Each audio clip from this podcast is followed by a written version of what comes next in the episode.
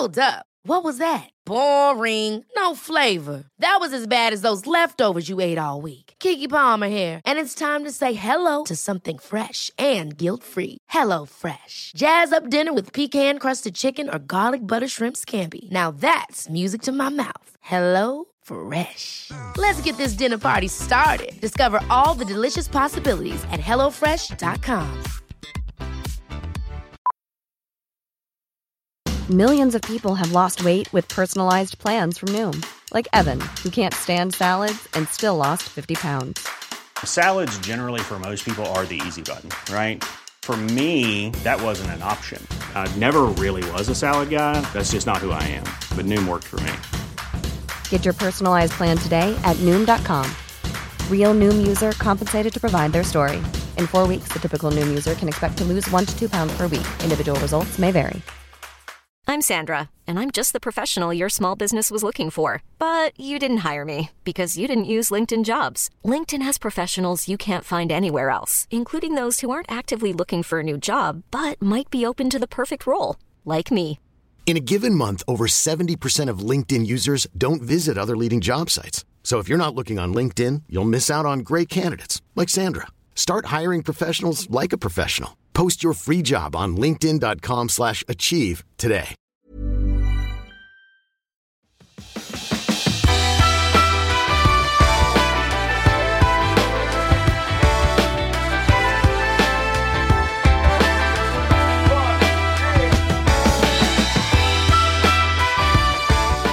Hej och välkommen till Klimakteriepodden med mig, Åsa Melin. Ja, hur mår du egentligen? Det är en bra fråga kanske.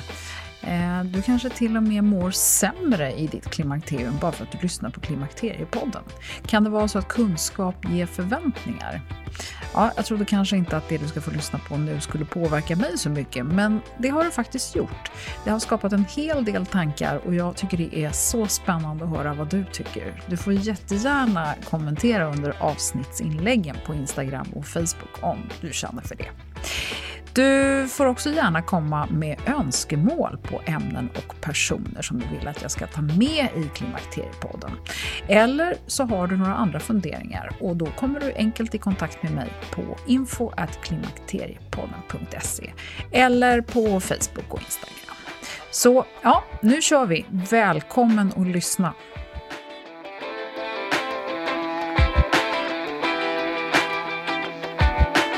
Katarina Graffman, hjärtligt välkommen till Klimakteriepodden. Tack så jättemycket. Det är spännande att träffa en doktor i antropologi. kan man liksom fråga sig vad hon gör i Klimakteriepodden och det ska vi komma till. Men först tänker jag att jag ska presentera dig så får du gärna fylla i om jag missar någonting. För du är knuten till Uppsala universitet som forskare Eh, och det är där du har doktorerat också.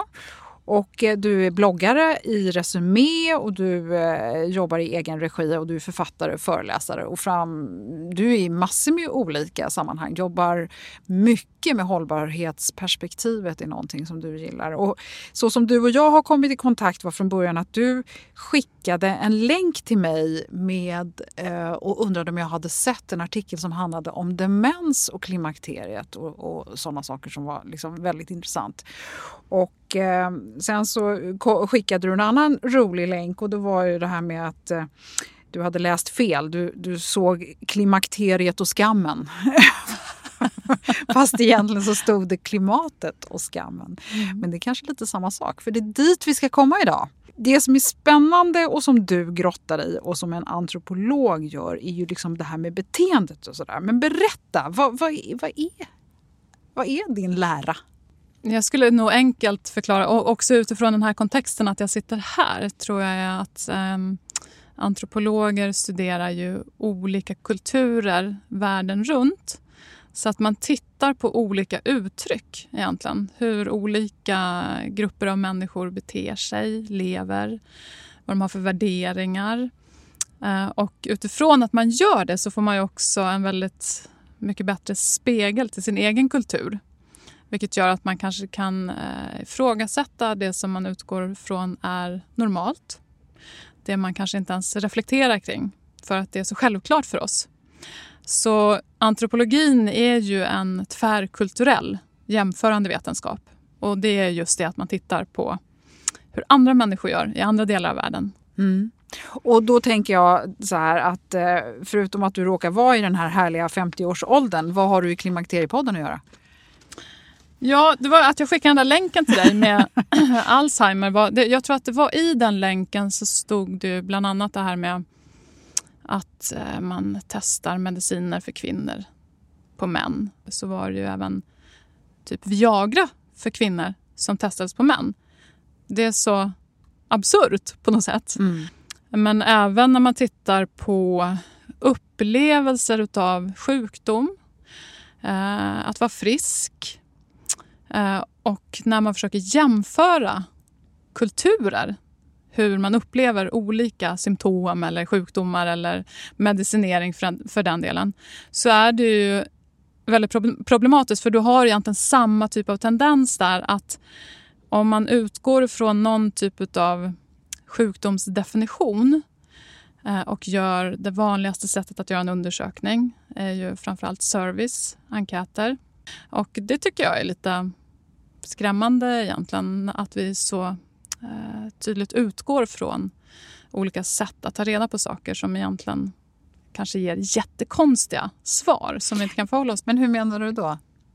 Jo, men när man har tittat på hur olika grupper, olika kvinnor i olika delar av världen beskriver olika symptom. Där, eh, och, det här, och då är det här specifikt relaterat till menopausen. Där man förvånades över att vissa kvinnor, de till exempel i Japan, som inte ens, de pratar inte ens om vallningar. Och eh, det är ett jätte, jättebra exempel på varför den här typen av undersökningar vi älskar att göra eh, inte fungerar så bra. För att det är ju så att vi lever i en undersökarkultur och vi gör så otroligt mycket undersökningar hela tiden. Det finns någon sorts ängslighet i vår kultur. Eh, man vågar inte fatta ett enda beslut utan man har gjort någon liten survey eller någon typ av enkät. Jo, men det finns väl så att det ska vara någon underbyggd forskningsrapport på det här. Vi har gjort en undersökning, mm. vi vet att det är så här. Så är det. Och eh, då det främsta sättet som man gör det här på är ju traditionella undersökningar där man skickar ut enkäter eller möjligtvis gör någon intervju. Um, och det betyder att man väldigt förlitar sig på vad människor säger. Och det vet ju antropologer att vad människor säger är en sak men de gör någonting helt annat. Och det finns, jag skulle kunna sitta och prata om det i flera timmar. Och då tycker jag att det där exemplet med vallningar är ju spännande för att om man då gör jämförande enkäter i olika kulturer och ställer frågor om sånt som de inte ens vet vad det är. De har den antropologen som var i Japan var ju tvungen på att verkligen leta och försöka definiera vad använder de själva för ord och beskrivningar för liknande symptom. Eh, och då kommer vi från en viss kultur och ställer vissa frågor. Vi kanske använder ord, vi kanske använder uh, olika kategorier eller klassificeringar som vi vet vad det är men som de inte har en aning om. Och hur ska man då sen kunna jämföra ett sånt material? Eh, jag kan, eh, det är jätteenkelt för att förstå egentligen vad det handlar om. Så när jag tittade på unga och mediebeteenden så var i slutet på där, eh, 08, 09, 10 någon gång så var väldigt många traditionella medieföretag oroliga för vad de nya sociala och digitala medierna skulle göra med deras material och, eller hur de skulle de ens överleva. Och det gjordes så mycket undersökningar i någon sorts ängslighet och då ställde man ju till exempel frågor till unga hur de förhöll sig till nya medier. Då använder man ju det begreppet, nya medier, om det är någon lyssnare som kommer ihåg det. Eh, och de unga som vi var med då, de sa, vad menar de med det? Menar de Facebook eller? Men de själva redan hade börjat prata om gamla medier. Och det var ju just tidning, radio, mejl och så vidare. Och det är ett jättebra exempel på att om du inte ens vet vad du ska ställa, skriva för ord i din undersökning, vad får du då för Försvar. material? Ja. Så att det är där man måste bli mycket mer noggrann. Och det är det som jag också tycker är intressant med antropologer när man tittar just på fenomen som menopaus eller klimakteriet och titta på hur uttrycker de det själva, vad har de för beskrivningar, eh, hur ska vi kunna förstå och komma närmare om vi inte till att börja med förstår deras kultur. Det viktigaste från den här typen av tvärkulturella studier det är ju att klimakteriet är en det är någonting som händer biologiskt i oss, alltså fysiskt i kroppen. Det är ju någonting som händer i kroppen. Men att det går inte att prata om någonting generellt. Eh, du måste titta på respektive kulturell population och titta på individen i den populationen. Man kan inte prata om kvinnor eller generella symptom och erfarenheter av klimakteriet. Och det är ganska vanligt att man gör, för vi vill ju så gärna förenkla också. Och det gäller ju inte bara det här, det gäller ju allt. Det är det man inte får göra. Mm. Eh, berätta om den moderna kvinnan. Hur, hur kommer hon in i alltså, det här? Liksom? Ja, men jag tänker att vi nog får gå tillbaks lite då. Ja. Okay, vi levde inte lika länge och vi blev äldre tidigare om man säger så. Men eh, hela den här frågan varför går vi ens in i, varför lever vi vidare efter klimakteriet? Kanske det mest kända exemplet är ju det här mormorhypotesen.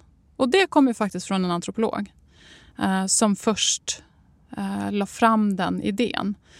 Eh, och då var det en kvinna, en antropolog eh, som hade varit i, eh, i Tanzania i en grupp. Och det var jägar-samlarkultur. För man har också pratat mycket om att det är välståndet som gör att vi lever länge efter klimakteriet. Men man har även kunnat se i enklare kulturer. Och eh, hon la ju fram den hypotesen, det här att det, det är smart av mänskligheten att ha en mormor då, eller farmor som hjälper till.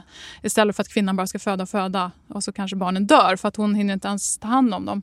Eh, så då kan man ju dels diskutera varför, varför har vi levt så länge? Efter klimakteriet. För tittar man på primater då till exempel så de som lever i det vilda dör ju ganska snabbt efter klimakteriet. De har mycket svårare att överleva. Men om man tittar på primater i zoomiljöer, alltså där de är omhändertagna, de lever ju längre för att de då har ett välstånd. Så då trodde man ju också att det handlade om välstånds, en välståndsfråga. Då.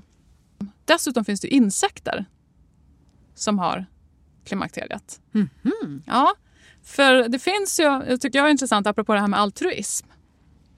Så du får finns nästan en... förklara det ordet. Ja, det är att man är... Eh, att det finns en medkänsla, generositet. Att man, eh, empati nästan, empati kan man säga. Ja. för...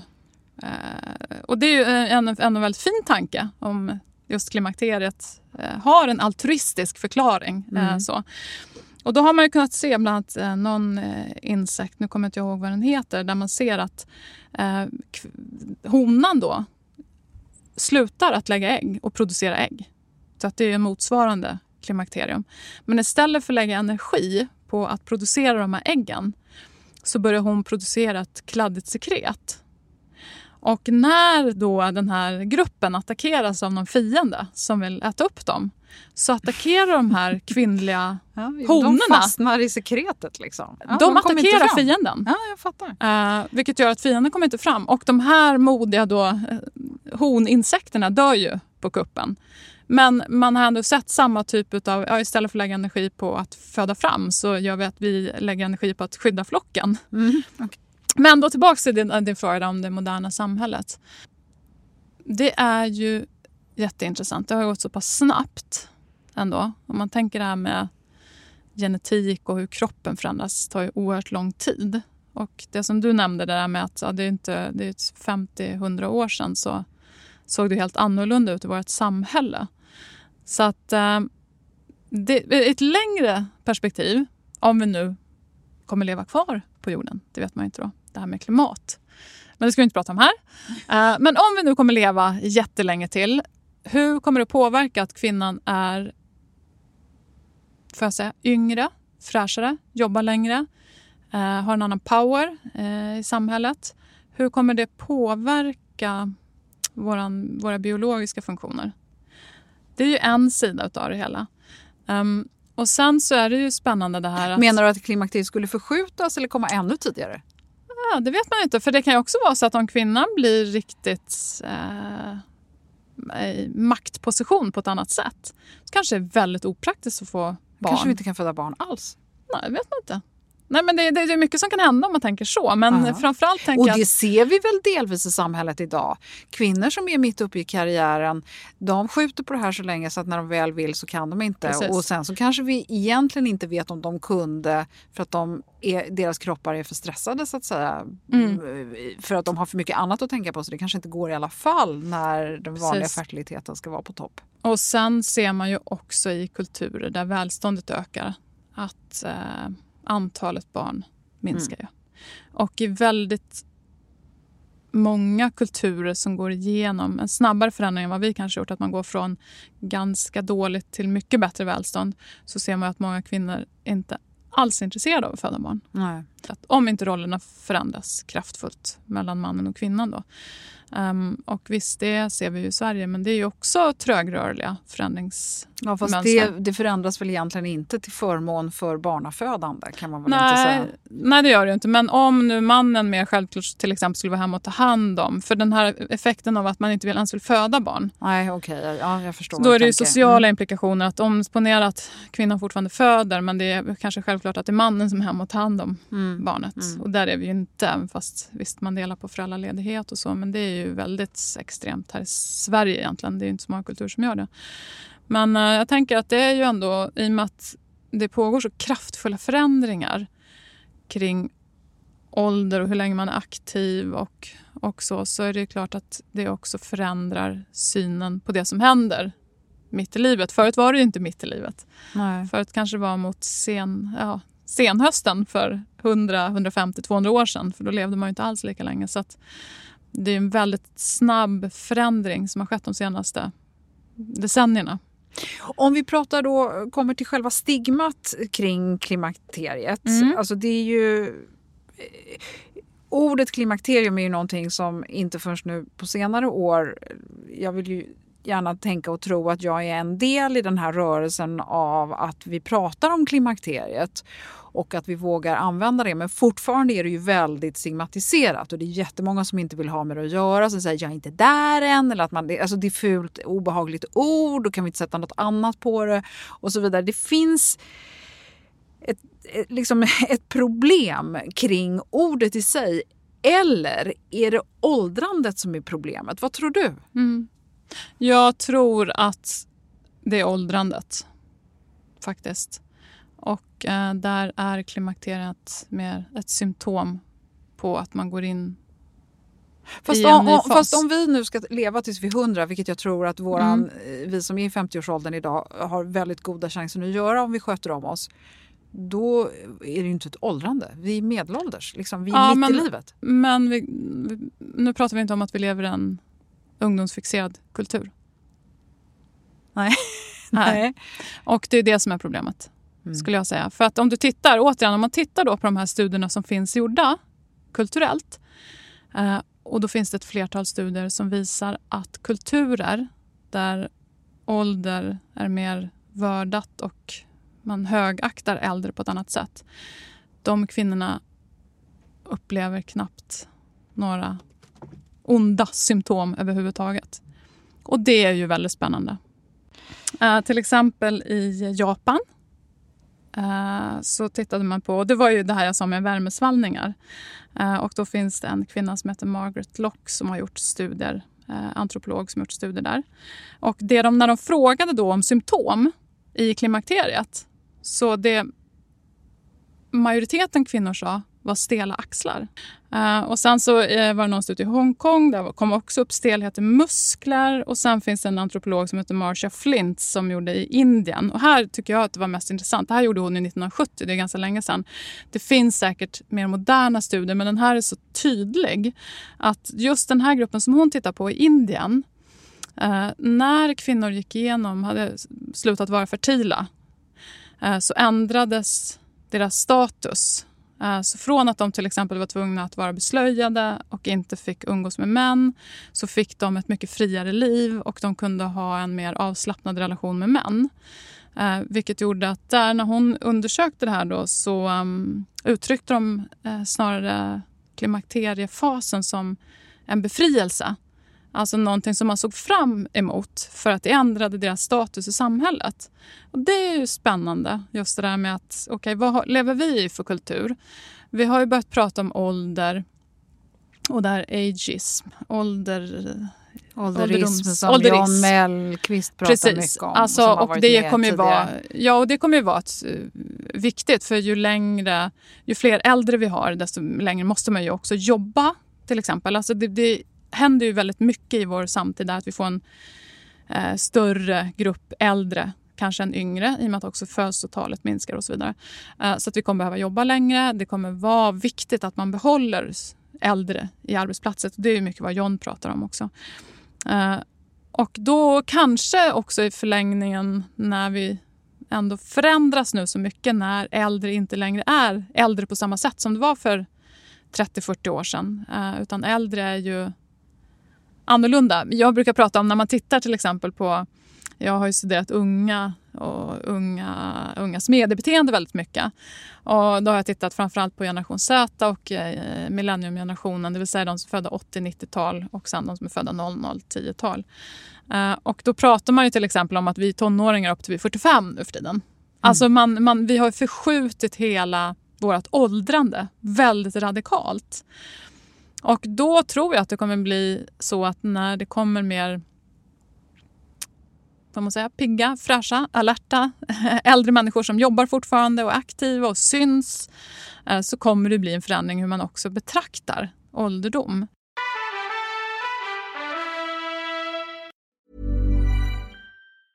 Quality sleep is essential. That's why the Sleep Number smart bed is designed for your ever evolving sleep needs. Need a bed that's firmer or softer on either side? helps you sleep at a comfortable temperature? Sleep Number smart beds let you individualize your comfort so you sleep better together. JD Power ranks Sleep Number number 1 in customer satisfaction with mattresses purchased in-store. And now, save 50% on the Sleep Number limited edition smart bed for a limited time. For JD Power 2023 award information, visit jdpower.com/awards. Only at a Sleep Number store or sleepnumber.com.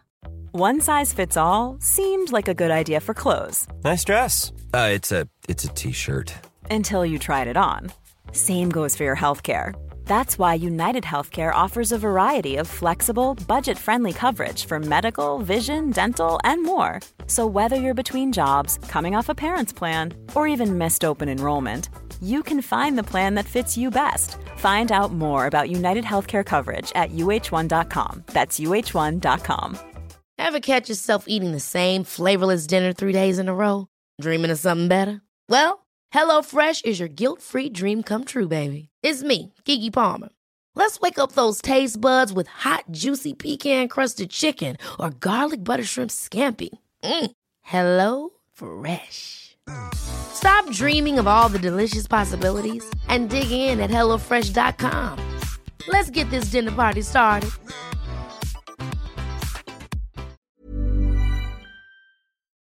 Det är härligt att klimakteriets tabu äntligen är på väg bort. Vill man försöka klara sig utan hormonbehandling så finns nu många nya kosttillskott som lovar bland annat hormonell balans och som ska stötta brister. Jag vill lyfta min räddare i nöden, Femarel. Det har inte bara varit min utan många andra kvinnors räddning i över 20 år. Och med lång tid på marknaden, med nöjda användare, dessutom med 20 forskningsstudier så vågar jag säga att det kan vara en god idé att prova Femarel. Femarel finns på apoteken och i hälsokostbutiker. Tack Femarel som varit min samarbetspartner i många år.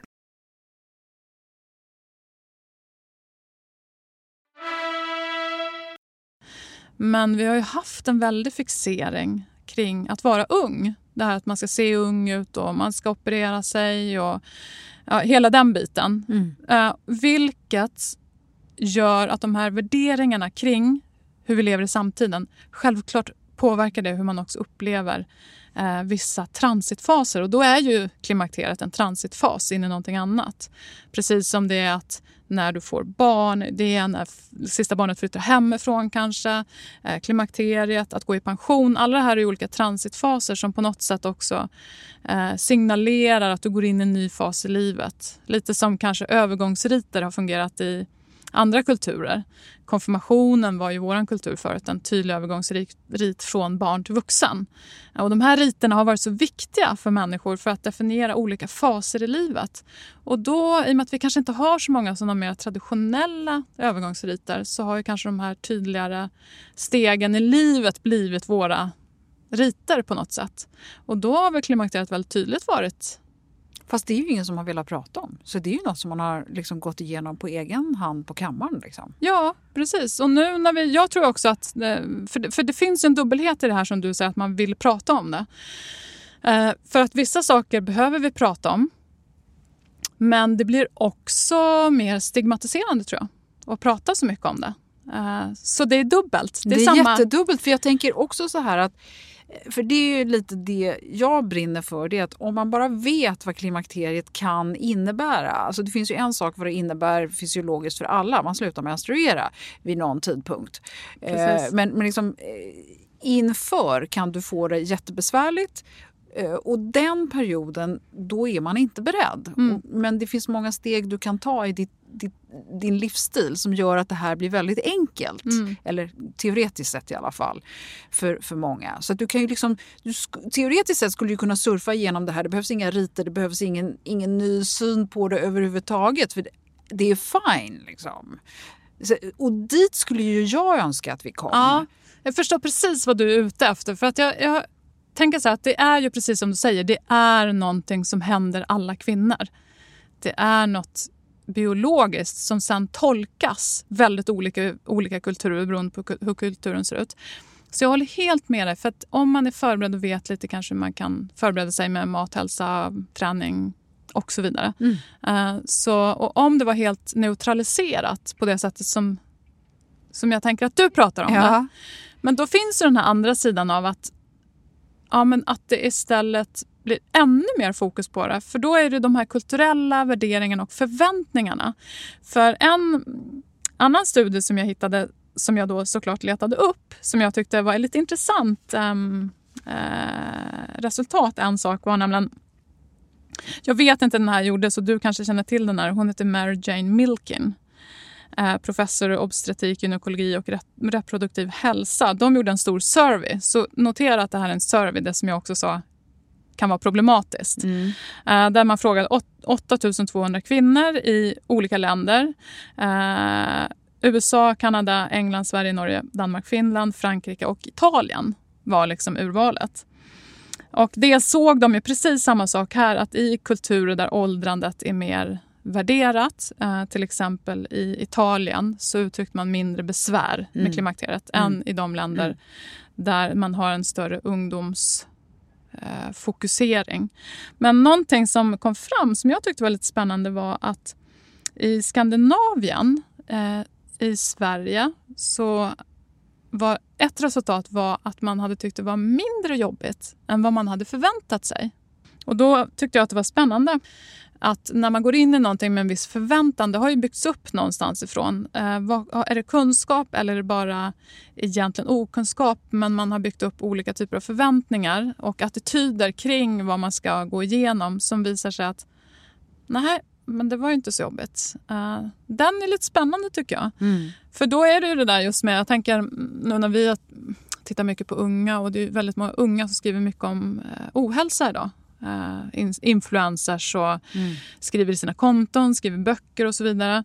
Uh, och Det är lite samma fenomen för att dels uttrycker man vad härligt att vi kan prata om det. Att det liksom är inget som man, in, som man behöver hymla om. Nej. Samtidigt ser vi en annan effekt på unga och det är också att okej, okay, du är egentligen ingen om inte du också har någon typ av Nej, diagnos. man måste ha en diagnos annars är man ointressant och ingen människa. Ja, och du, precis. Du blir inte tillräckligt autentisk. Nej. Och du kan alltid förklara hur du mår eller hur du beter ja. dig. Ja, men jag har ju en diagnos. Ja. Så det, nej, men jag förstår vad du menar samtidigt som Jag vill bara rätta liksom min ingång i det här. Jag vill inte att man ska behöva göra någon grej av klimakteriet överhuvudtaget. Men jag skulle vilja att alla visste om det så att de som behöver hjälp ser till att få rätt hjälp direkt. För jag tror att idag har vi hamnat i ett samhälle där många kvinnor för de in, på grund av okunskap helt enkelt hamnar i fel, helt fel situationer. Dels för att man hinner gå för långt med det här och blir utbränd och du har utmattningsdepressioner, du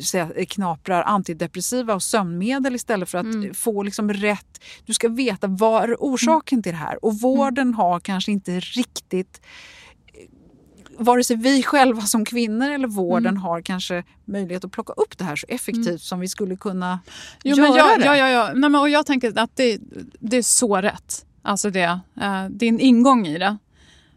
Men man får ju också med den andra sidan då. Ja, det här att man ja precis. Om det. Och man sen, liksom väntar på någonting som kanske aldrig kommer. Ja, precis. Det här att man... Eh, I och att vi har, det finns så många saker med vår samtidskultur som jag tror är problematiska. Dels har vi ju en extrem självfixering. Det handlar om jag, jag, jag hela tiden. Hur jag uttrycker mig i sociala medier, att jag behöver egen tid. Eh, att det är jag som ska ta hand om klimatet. Förstår Det också, handlar också om press utifrån, hur man lägger individansvar till hur vi upplever oss själva och liksom den här egocentreringen som faktiskt eh, är i vår moderna konsumtionskultur. Eh, så att det är snarare så att jag är mer intresserad och fokuserad på mig än kanske mina medarbetare eller min större släktgrupp eller vad det nu är som man ändå ser i många andra kulturer. Det är ju en bit av det, vilket gör att man också känner efter så mycket. Den moderna kvinnan som är någonstans då mellan 45 55, 60 när det här händer. Visst, hon kanske inte har småbarn längre, men ofta är hon ju superaktiv. Och det ska hinnas med att göra så mycket och eh, ta hand om sig själv och man ska...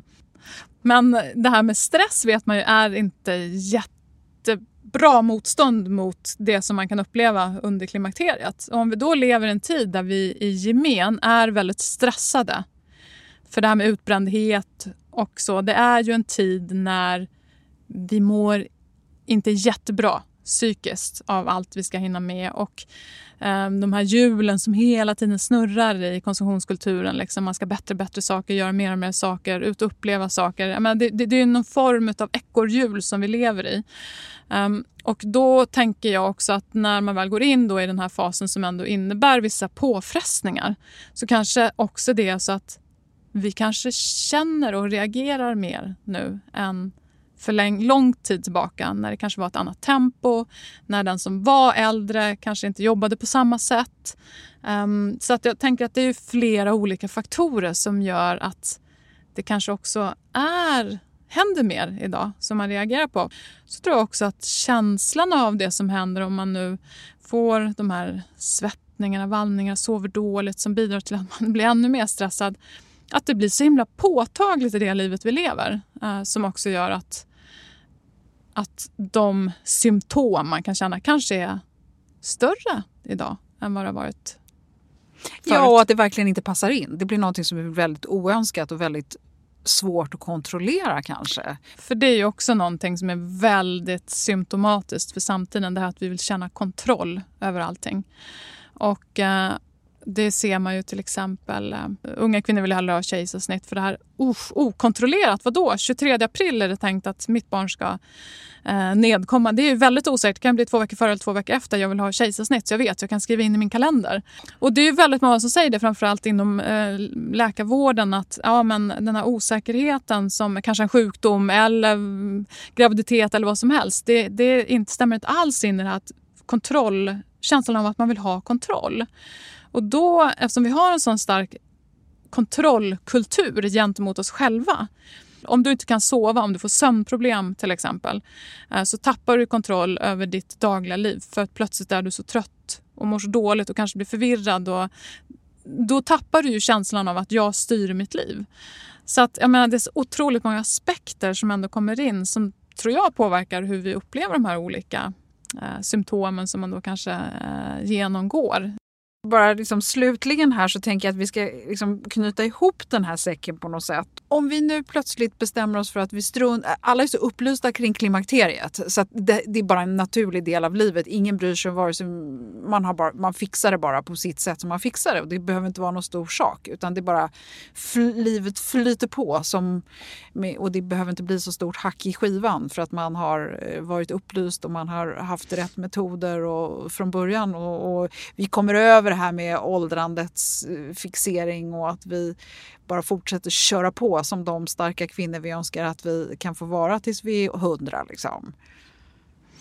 Mm, ja, om jag tänker i det här drömscenario mm. så är det ju att det blir en självklar del av ens liv som både män och kvinnor kan en hel del om. Vet vad det är. Att kvinnor som börjar känna någon form av... Ja, men det, det känns inte riktigt bra. Nej, då vet jag att då går jag till en läkare. Läkaren förstår. Okej, okay, men då, då kan jag hjälpa dig med det här. Eller du kan ändra din livsstil så här. Uh, så att på det sättet, om jag förstår vad du menar, så skulle jag tycka att om det blev precis lika självklart som att ja, men oj, nu har jag en förkylning.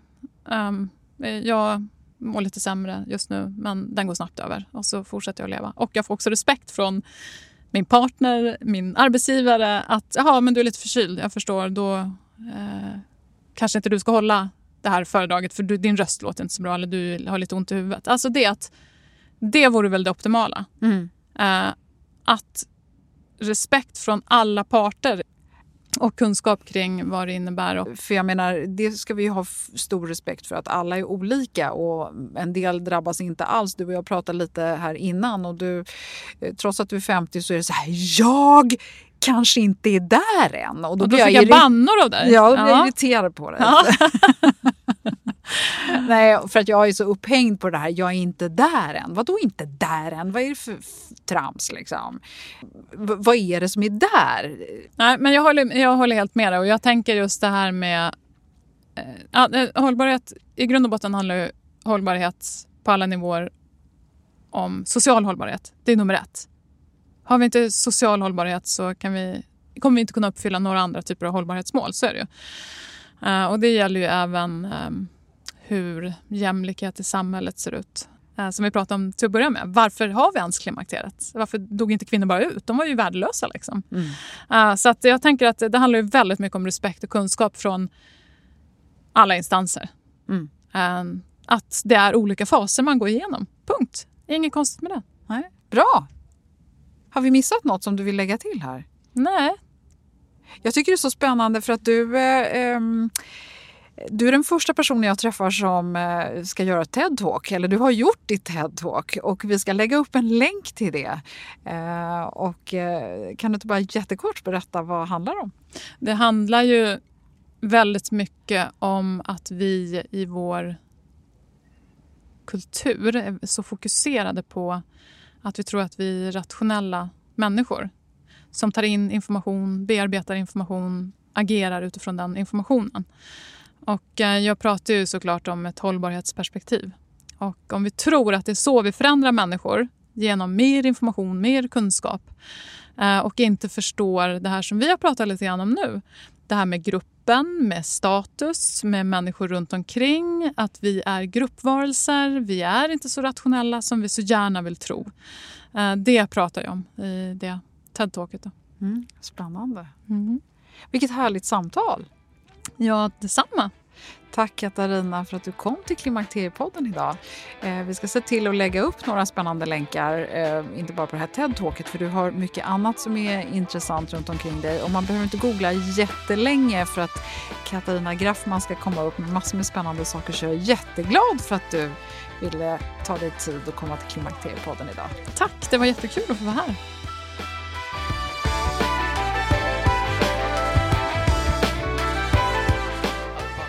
Kanske inte det mest uppenbara avsnittet vid första anblick, men som jag sa i början, många tankar dyker faktiskt upp hos mig. Och gör jag verkligen oss alla kvinnor en tjänst genom att tala om klimakteriet ur alla de här olika perspektivet? Jo, jag tror faktiskt trots allt att jag gör det. Ni är så många som uppskattar det, det är uppenbart. Men ja, jag står ändå fast vid att kunskap är makt och kunna påverka och förändra för att helt enkelt må så bra som möjligt. Helt i linje med vår självfixerade värld alltså. På klimakteriepodden.se så hittar du flera intressanta länkar som Katarina och avsnittet relaterar till. Och missa inte att lyssna på avsnitt 78 med Agnes Wold, du vet professorn som alltid lyckas skapa uppmärksamhet. Hon eh, talar just om det här med mormorsperspektivet som hon drar lite väl långt i min smak. Men det är också ett väldigt intressant avsnitt ur flera perspektiv. John Mellqvist är överallt med sitt spännande tänk när det gäller åldrande och honom kan du höra i avsnitt 67. I nästa avsnitt så ska vi tala om hållbarhet, genom att se på oss själva som något som vi kan gasa och bromsa för att bättre ta oss an utmaningar utan att slita eller bränna ut oss. Missa inte det. Stort tack för att du har lyssnat den här gången och hoppas du är med snart igen. Hej då!